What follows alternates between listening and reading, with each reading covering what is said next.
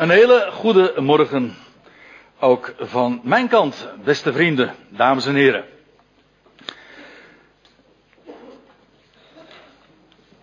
En ik zie dat het al enigszins laat is geworden, dus ik stel voor dat we meteen maar de koe bij de horen zullen vatten. En het thema gaan aansnijden waar ik u vanmorgen heel graag eens bij wil bepalen. Paulus, zoals u ziet hier op het scherm afgebeeld. Paulus en het toekomstig oordeel. Dat klinkt misschien zo heel erg fijn. Maar ik zal u straks toch het een en ander daarover verklappen. Waardoor u er wellicht heel anders tegenaan gaat kijken. Dan u tot dusver gedaan hebt. Nou is het zo dat het begrip het oordeel. Of het gericht. Dat roept hele verschillende reacties op. Dat komt omdat er over dat oordeel, zoals de Bijbel daarover spreekt, twee hele grote misvattingen bestaan. En laat ik als eerste maar eens deze noemen. Dat is de eerste idee die verreweg de meeste christenen hebben bij het toekomstige oordeel. Dan denkt men aan hel en verdoemenis. En dat ik dat noem ik dwaling nummer 1. En dat bedoel ik niet alleen maar als eerste die ik nu wil noemen, maar het is ook de meest uh, belangwekkende dwaling, maar het is ook de meest fatale dwaling. Want als je eenmaal dit idee hebt over het toekomstig oordeel, dan begrijp je van de Bijbelse boodschap eigenlijk niks meer. Want weet u, kijk, dat uh, zal u uh, wellicht niet ontgaan zijn, dat uh, verreweg de meeste christenen denken dat. Dat wordt ook namelijk zo verteld in de kerken. En het is ook de orthodoxe leer, dat wil zeggen de rechte leer, dat straks komt Jezus terug. Even heel simpel gedacht, of in ieder geval ook zo luidt de voorstelling. Jezus komt terug. En dan is het of goed, of het is niet goed. En dan als het niet goed is, dan is het echt ook nooit meer goed. Dan is het hel, verdoemenis of veroordeling.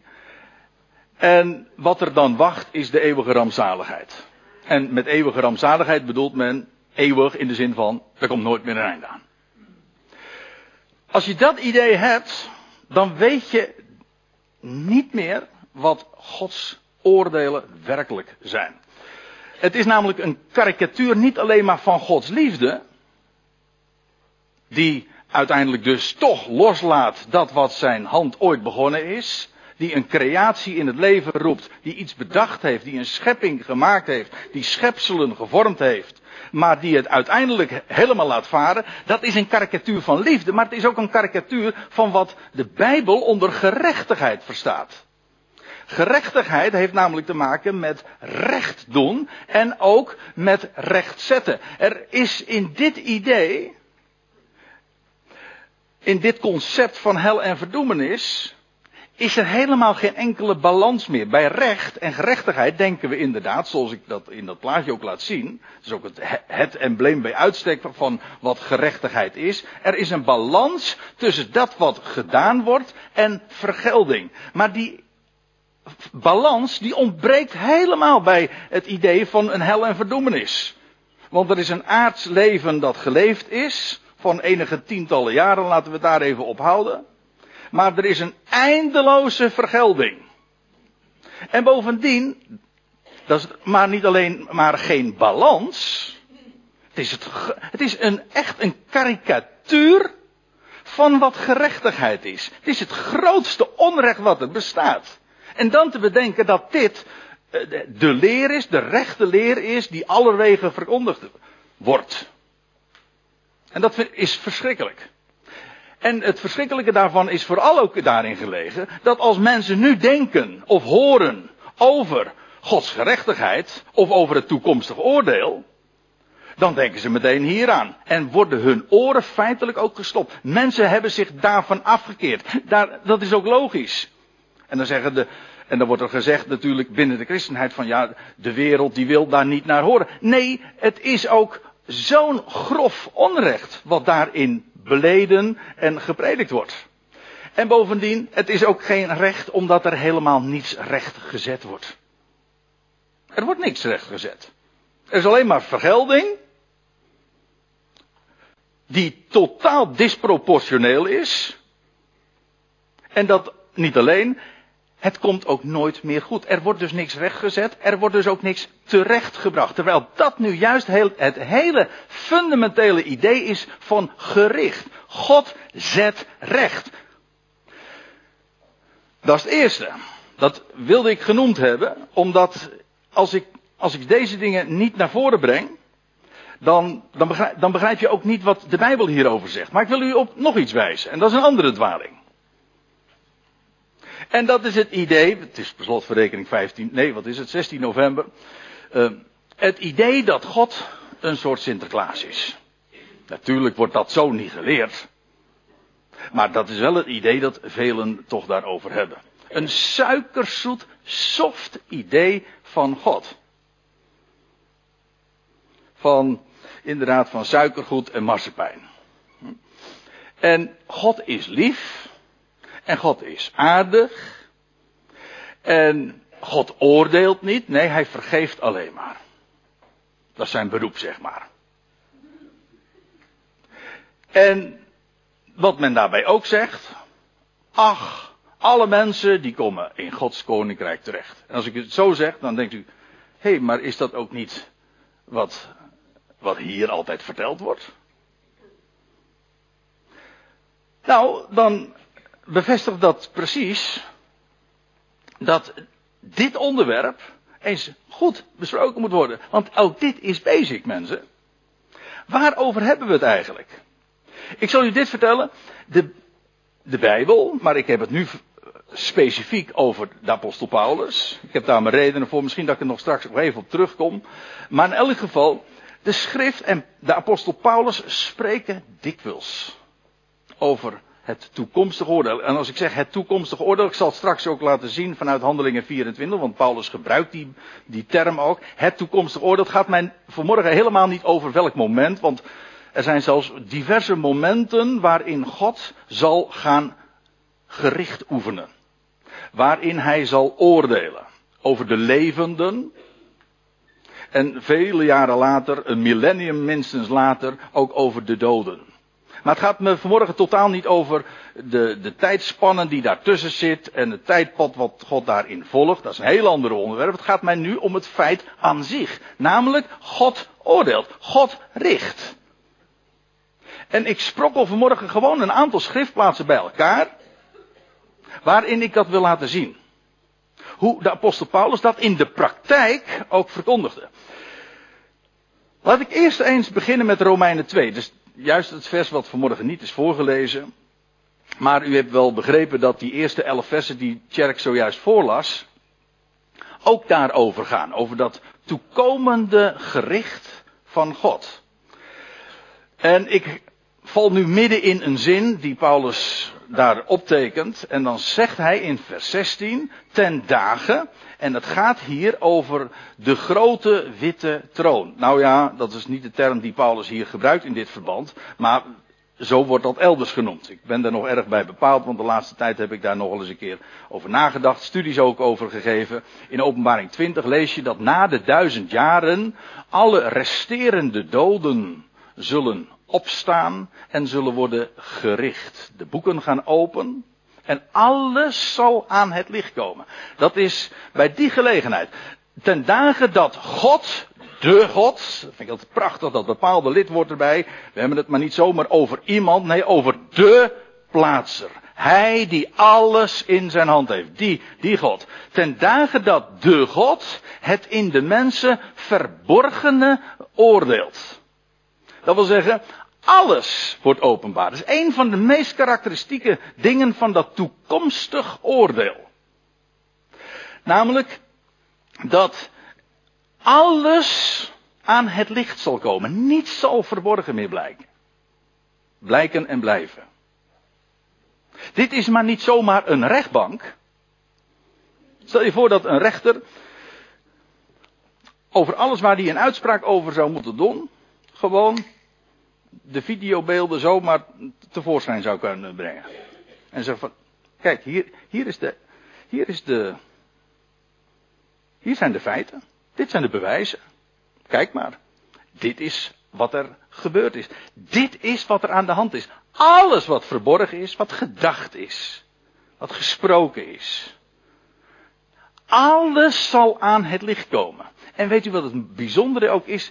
En dat vind ik zo bijzonder. Ik had dat, het was mij nog nooit zo opgevallen. Maar als je dat onderzoekt in de schrift, dat toekomstig oordeel. Het enige wat daar gebeurt, maar dat is juist het bijzondere, is dat de waarheid openbaar wordt. Er, er is geen sprake van martelwerktuigen of dat soort uh, ideeën, die mensen daar ook al gemakkelijk bij hebben. Nee, de waarheid gaat zijn werk doen. Alles zal aan het licht komen. Nou, die dag, daarover hebben we het. Dat het in de mensen verborgene zal worden gericht. Dat alles wat tot dusver niet bekend was, zal dan aan het licht komen. En dan zegt Paulus erbij, volgens mijn evangelie. Dat, is heel, dat vond ik heel bijzonder, juist ook om als introductievers uh, naar voren te brengen. Als we het hebben over dit onderwerp. Paulus en het toekomstig oordeel. Wel, hij heeft het hier over die dag dat God zal gericht oefenen. Dat alles aan het licht zal komen. Dat hij gaat rechtzetten. Alles wat krom is. Maar dat is evangelie. Dat is misschien nog wel het meest bijzondere van dit vers. Tenminste in mijn beleving. U mag er anders over oordelen. Maar hij zegt volgens mijn evangelie. Ja, mijn evangelie. U weet wel, dat, die boodschap die, die Paulus van Gods wegen had ontvangen. Heel persoonlijk. Niet geleerd had van mensen, ook niet ontvangen had van mensen. Dat zegt hij weer op andere, bij andere gelegenheden, op andere plaatsen, in andere brieven. Maar het was dat evangelie wat hem was toevertrouwd. En dit is evangelie. En Gods oordeel, Gods gericht maakt deel uit van dat goede bericht, want dat is wat evangelie betekent, die blijde tijding die aan Paulus was toevertrouwd. Houd dat even goed in gedachten. Als we het hebben over het oordeel en over gericht, dat is, dat kan pijnlijk zijn, maar er wordt ook recht gedaan. Er wordt niet alleen recht gedaan aan de dader, maar ook aan het slachtoffer. Alles zal, er, zal aan het licht komen. En dat is evangelie. Waarom is het evangelie? Ja, als je met die dwaling nummer 1 in gedachten zit, dan is dat helemaal geen evangelie. Dan is dat, dan is dat ook helemaal geen witte troon, dan is dat een gitzwarte troon. Een gitzwart perspectief. Maar vergis u niet, als God oordeelt, dan is het zijn liefde die spreekt. Hij gaat rechtzetten. Ik weet het, het is ook een klassieke tegenstelling die in de theologie altijd is gemaakt van ja, God is liefde enerzijds, maar anderzijds hij is ook rechtvaardig. En dan gaat men die twee tegen elkaar uitspelen. En God die één is, heeft men daarmee eigenlijk schizofreen gemaakt. Alsof hij een beetje liefde is en aan de andere kant is hij ook rechtvaardig. Terwijl het één is. Hij is liefde en omdat hij liefde is, omdat zijn schepping hem aan het hart ligt, het is werk van zijn handen. Hij heeft het bedacht. Hij gaat ook alles rechtzetten. Waarom? Het is van hem. Hij heeft daar een positieve bedoeling mee. En dan mag oordeel en gericht soms hard zijn. En we hoeven daar niet eens te kijken naar de toekomst. In het verleden weten we ook dat God ingegrepen heeft. Bij meer dan één gelegenheid.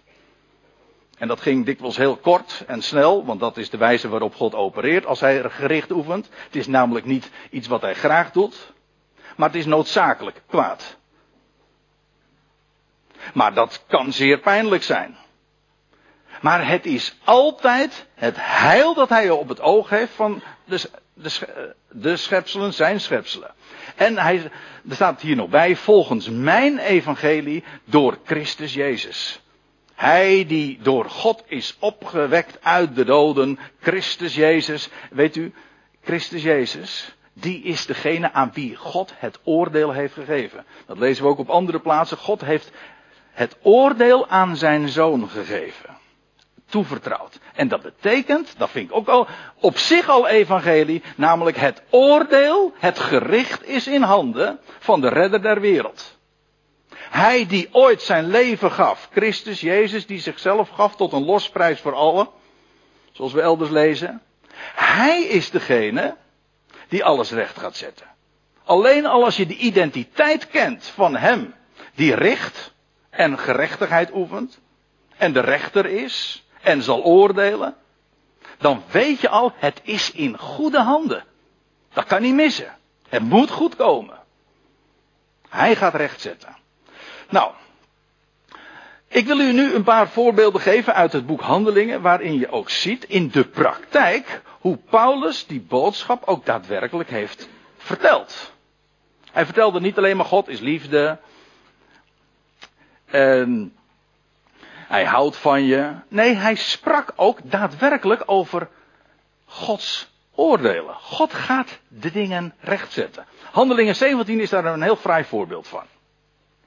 Handelingen 17, Paulus is in Athene. En dan wordt hij uitgenodigd om daar wat te vertellen over wat hij ja, te melden heeft. Tussen een heel filosofisch ingesteld publiek. Dan leest het allemaal. En dan. Pardon. Dan spreekt hij.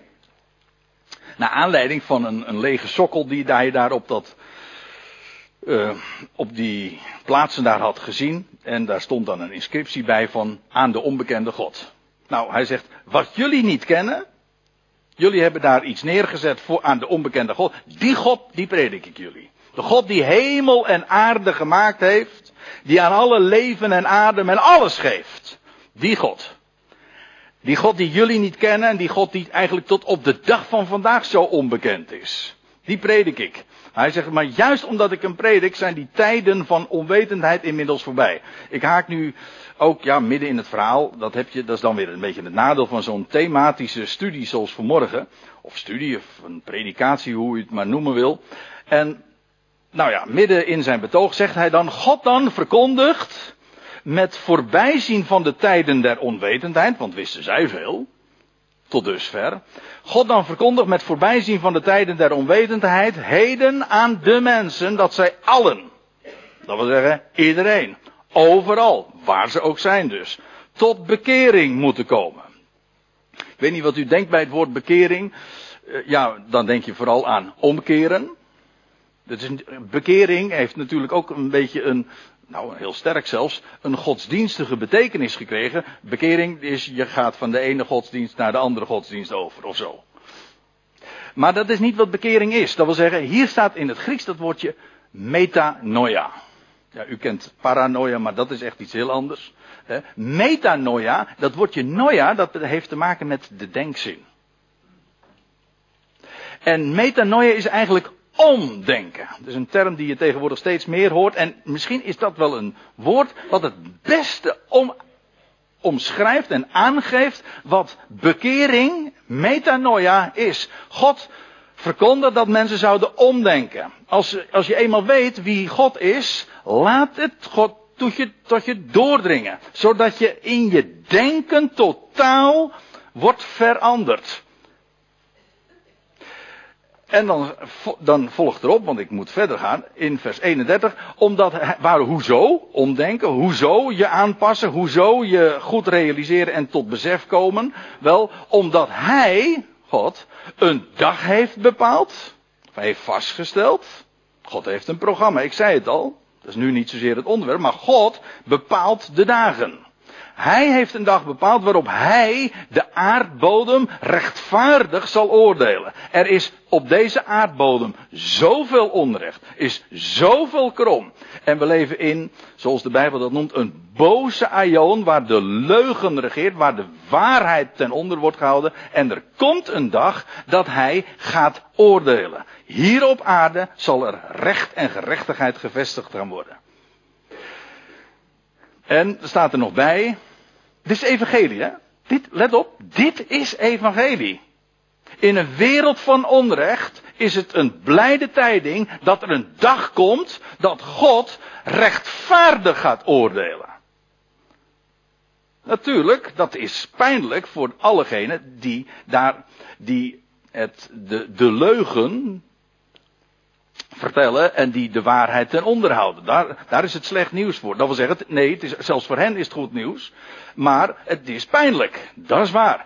Maar hij heeft dus een dag bepaald waarop hij de aardbodem rechtvaardig zal oordelen. Door wie? Door een man die hij, God, aangewezen heeft.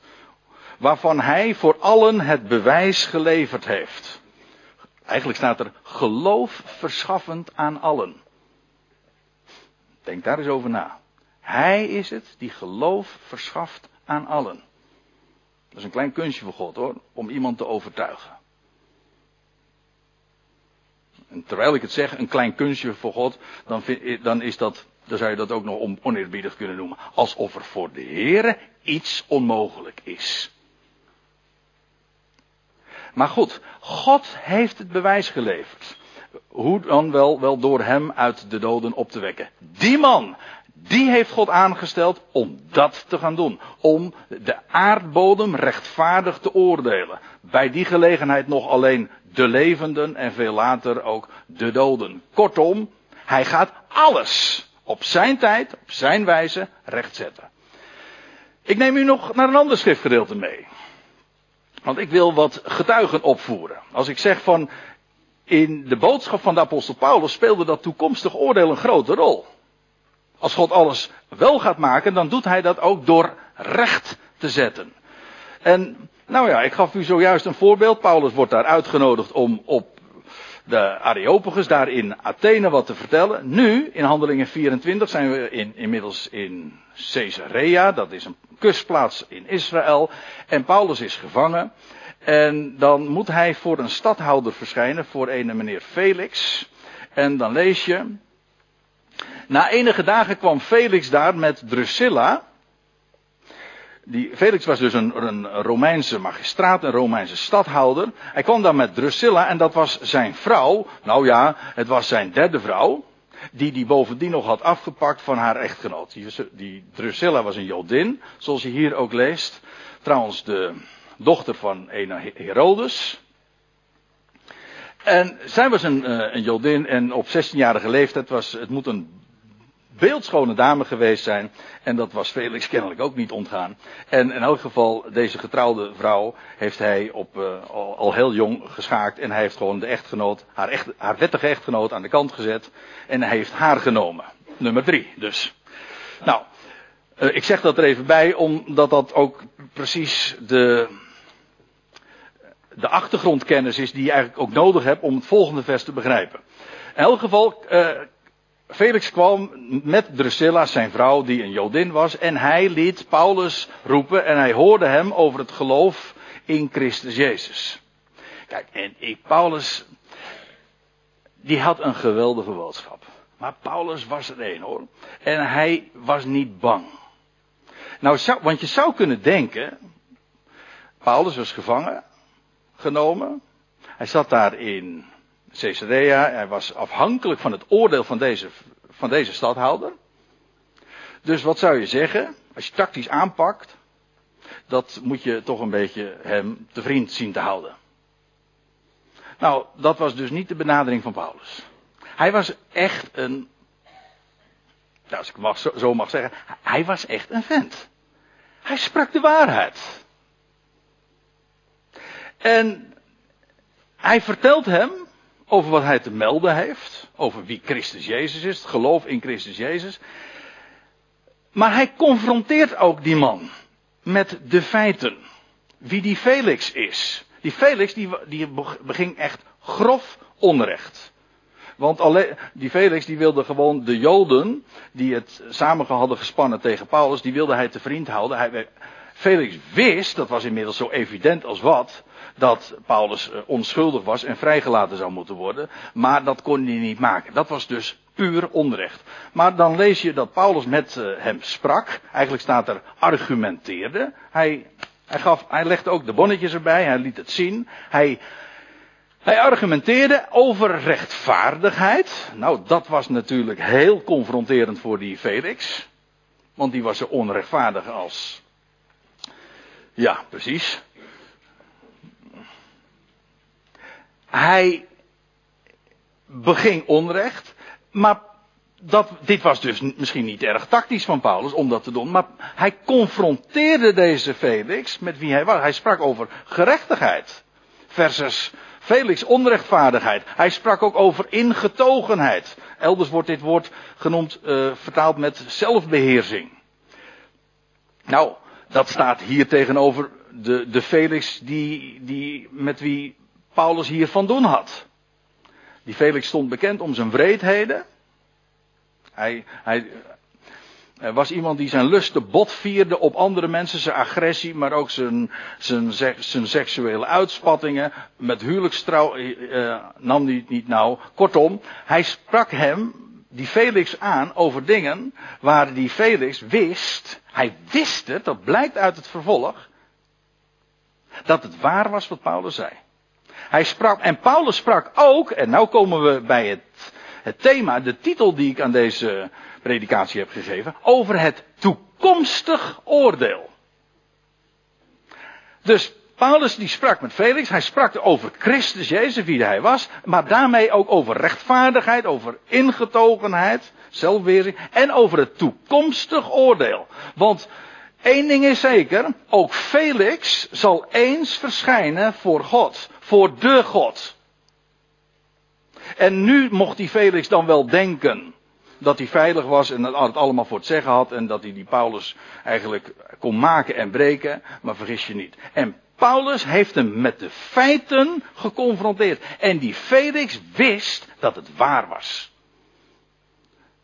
Je leest dus helemaal niet dat Paulus met hem heeft gesproken over de liefde van God.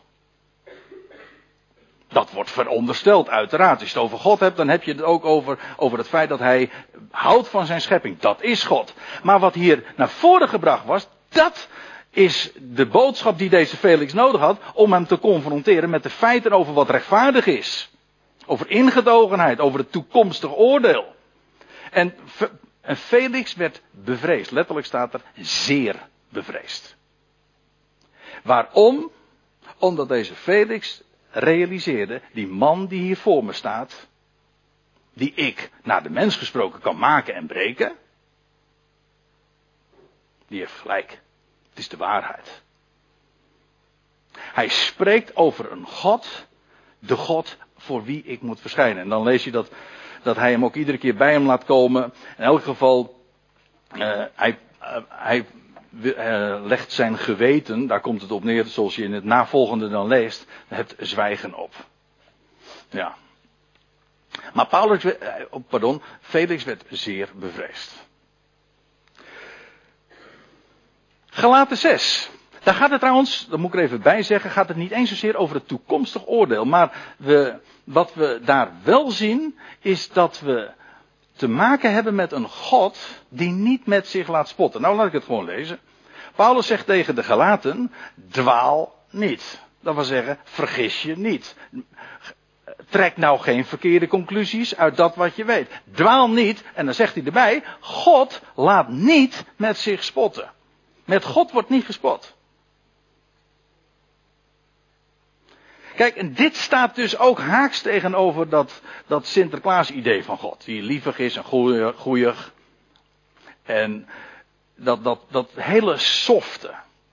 God laat niet met zich spotten. God is God. En als Hij jou confronteert met de waarheid, dan heb je te luisteren. En als je niet luistert, dan zul je het voelen.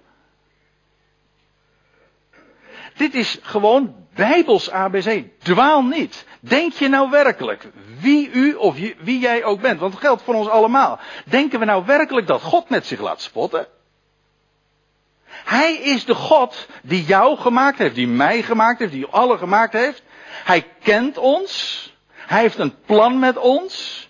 En als wij onze eigen weg gaan, dan zullen we ook geconfronteerd worden met het feit dat dat een dwaalweg is. U ziet het hier ook. Dwaal niet, God laat niet met zich spotten. Want wat een mens zaait, dat zal hij ook oogsten. Dat is gewoon een wetmatigheid. Je zou het navolgende trouwens ook moeten lezen. wie op de akker van zijn vlees dan zaait, wie denkt dat, dat hij zich helemaal oriënteert op zijn eigen vlees, zijn eigen gedachten, dat wat hij zelf voortbrengt, nou dan zul je uit het vlees ook verderf oogsten. Dan denk ik trouwens niet eens nog aan straf, maar dat is gewoon een wetmatigheid. Zoals je een zaadje in de grond stopt en daar komt iets uit voort, dan zul je dan te zijner tijd ook wat van oogsten. Zo is het ook met dit. Wat een mens zaait, dat zal je oogsten. God laat niet met zich spotten. En die waarheid, beste mensen, mogen we nooit vergeten. We hebben te maken met een God, de God, die alles recht zet, maar die nooit met zich laat spotten. En die de mens confronteert met dat wat hij doet. Ik ga nog wel even verder. 1 Korinthe 6. Ja, dat is eigenlijk trouwens het, uh, het laatste Bijbelgedeelte wat ik in dit verband wil noemen. Ik zal u dit vertellen. Ik heb echt maar een hele kleine selectie gemaakt van schriftplaatsen waarin deze waarheden over dat toekomstig oordeel, over het feit dat God niet met zich laat spotten. Ik heb maar een paar uh, schriftplaatsen bij elkaar gebracht. Maar ik wil u met deze, met deze schriftplaatsen uit 1 Korinthe 6 wil ik zeker ook niet onvermeld laten. Omdat wat hier staat ook elders genoemd wordt. Op diverse, keer, diverse keren ook in Paulus' brieven. Hij begint uh, met, nou ja, althans in het citaat wat ik dan geef, want het is in 1 Korinthe 6 vers 9, dan, zegt, dan vraagt hij, het is een retorische vraag, weet gij niet, weten jullie niet? Zijn jullie er niet mee bekend? Ruud had het eerder van, vanmorgen over, over basic basic kennis. Nou, Paulus refereert hier aan basic kennis. Basic is bijvoorbeeld dat je realiseert, hij is God. Basic is dat je je realiseert wat hier ook staat. Dit had Paulus hen verteld. Dit, dit wisten ze allemaal. Alleen ze waren het misschien vergeten en Paulus herinnert hen dus aan iets wat hij ze al lang had verteld. Weten jullie niet dat Pardon. Ja, dus het ABC van de boodschap. En dat onrechtvaardige. Wat is dat? Een onrechtvaardige in de Bijbel. Dat is hetzelfde als iemand die niet gelooft. Want het omgekeerde is namelijk ook zo. Een rechtvaardige is iemand die gelooft. God rekent. God rekent geloof tot gerechtigheid. Dat is het universele Bijbelse principe. Dat is al zo in Genesis 15, dat je voor het eerst dat ook leest. Abraham geloofde God. En Abraham was daardoor gerechtvaardigd. Dat wil zeggen, Abraham, voor God was Abraham een rechtvaardigde. Niet omdat hij iets gedaan had, maar alleen omdat hij God op zijn woord had genomen.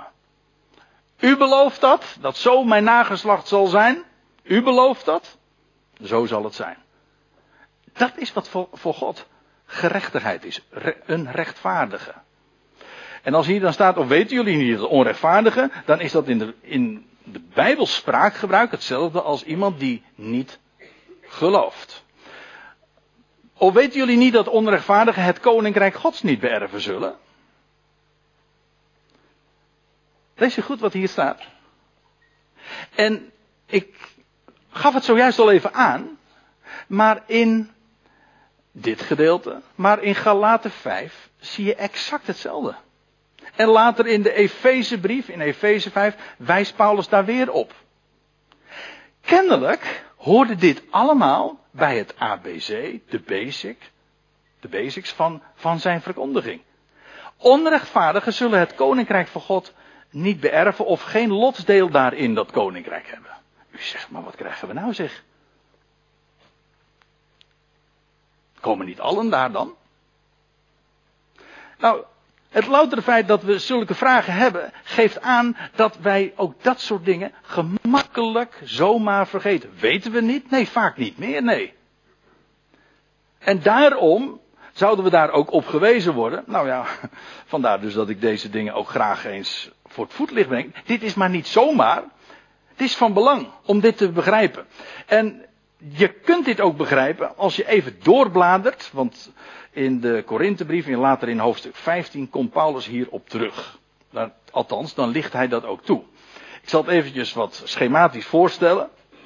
De Bijbelse boodschap is van het koninkrijk van God dat straks gevestigd gaat worden. Wij leven nu in die zwarte, boze aion. Maar daar gaat een einde aankomen. Christus zal terugkeren naar deze aarde, naar, op een dag die God daarvoor heeft bepaald. En dan zal er grote schoonmaak in deze wereld worden gehouden. Het onrecht zal buigen en hij gaat de wereld richten in gerechtigheid. En dan zal er een periode gaan aanbreken, de toekomende aion, eerst van duizend jaren waarin de Satan gebonden zal zijn. Nogmaals, ik ga dat nu niet allemaal uit de doeken doen. Ik wil u alleen maar laten zien dat er een periode gaat komen waarin Christus zal heersen. Dat is dat koninkrijk van God en van Christus. Waarin Christus zal heersen in de toekomende aionen. Eerst de duizend jaren, dan lees je over die grote witte troon daar, die daarop volgt. En dan krijg je in openbaring 21 en 22 dat die laatste aion ook beschreven wordt van dat Jeruzalem dat uit de hemel neerdaalt. En een geweldig tijdperk, nog veel groter, in overtreffender in heerlijkheid zal zijn. Ik zal u dit, dit vertellen. De Bijbel is er volkomen helder in. Niet alleen Paulus, maar ook Jaco Jacobus, maar vooral ik bedoel Johannes en Petrus. Deze perioden, deze aionen, deze toekomende aionen waarin Gods koninkrijk middels Christus, de gestelde koning, zijn beslag zal krijgen, in die tijd zullen alleen rechtvaardigen deel daaraan hebben. De onrechtvaardigen zullen aan deze aionen, aan dat koninkrijk van God, geen deel hebben. We weten dat Christus zal heersen in de toekomende eonen. Ik weet een heleboel liederen die zeggen van hij heerst voor eeuwig en eeuwig en, en hij is, ja dat klopt trouwens wel. Maar ja, dan moet je wel weten wat eeuwig is natuurlijk. Eh, maar dan denkt men dat hij eindeloos heerst. Nee, Christus heerst totdat. En hij zal heersen totdat hij de dood te niet doet.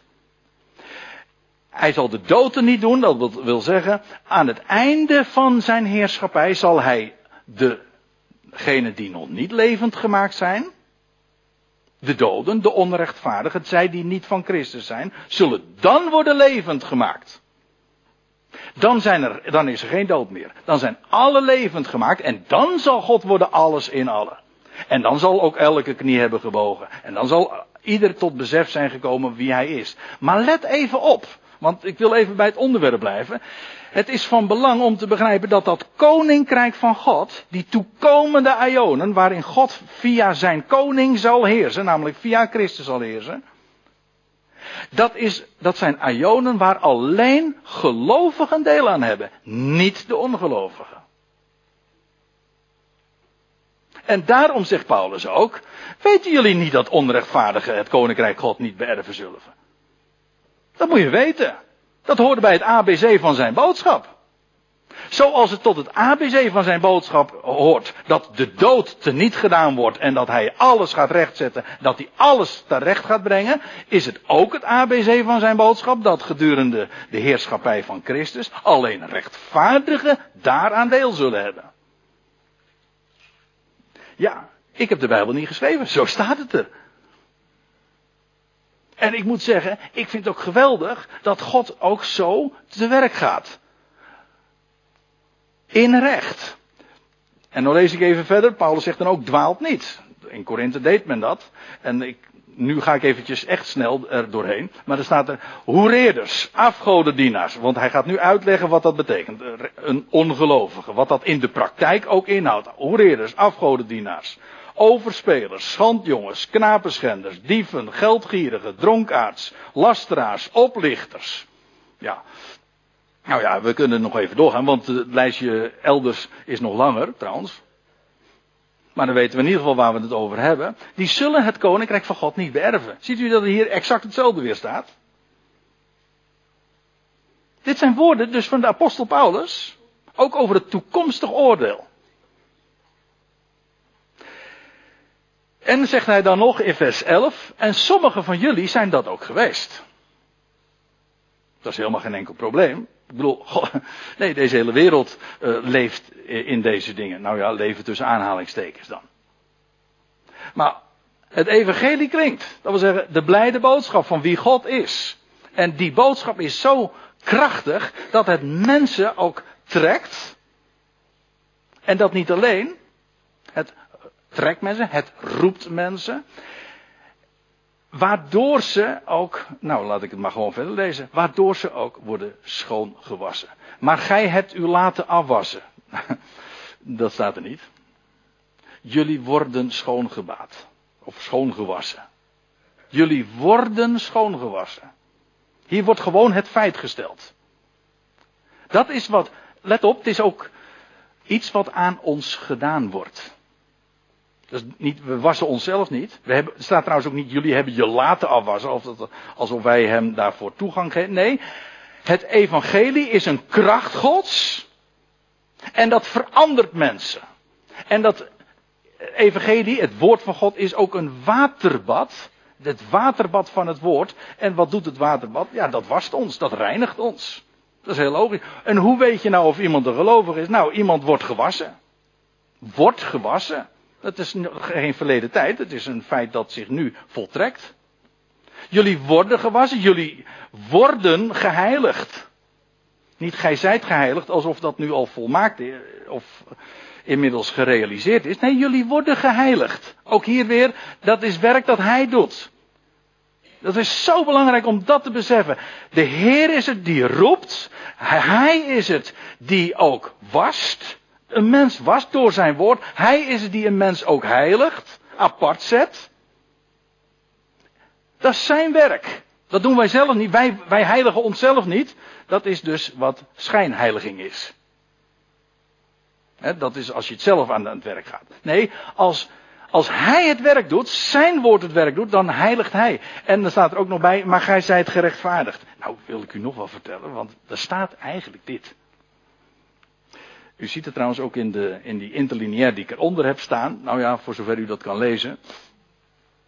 Uh, maar in ieder geval, er staat letterlijk dit. Jullie werden gerechtvaardigd. Er stond, dit staat dus in de verleden tijd.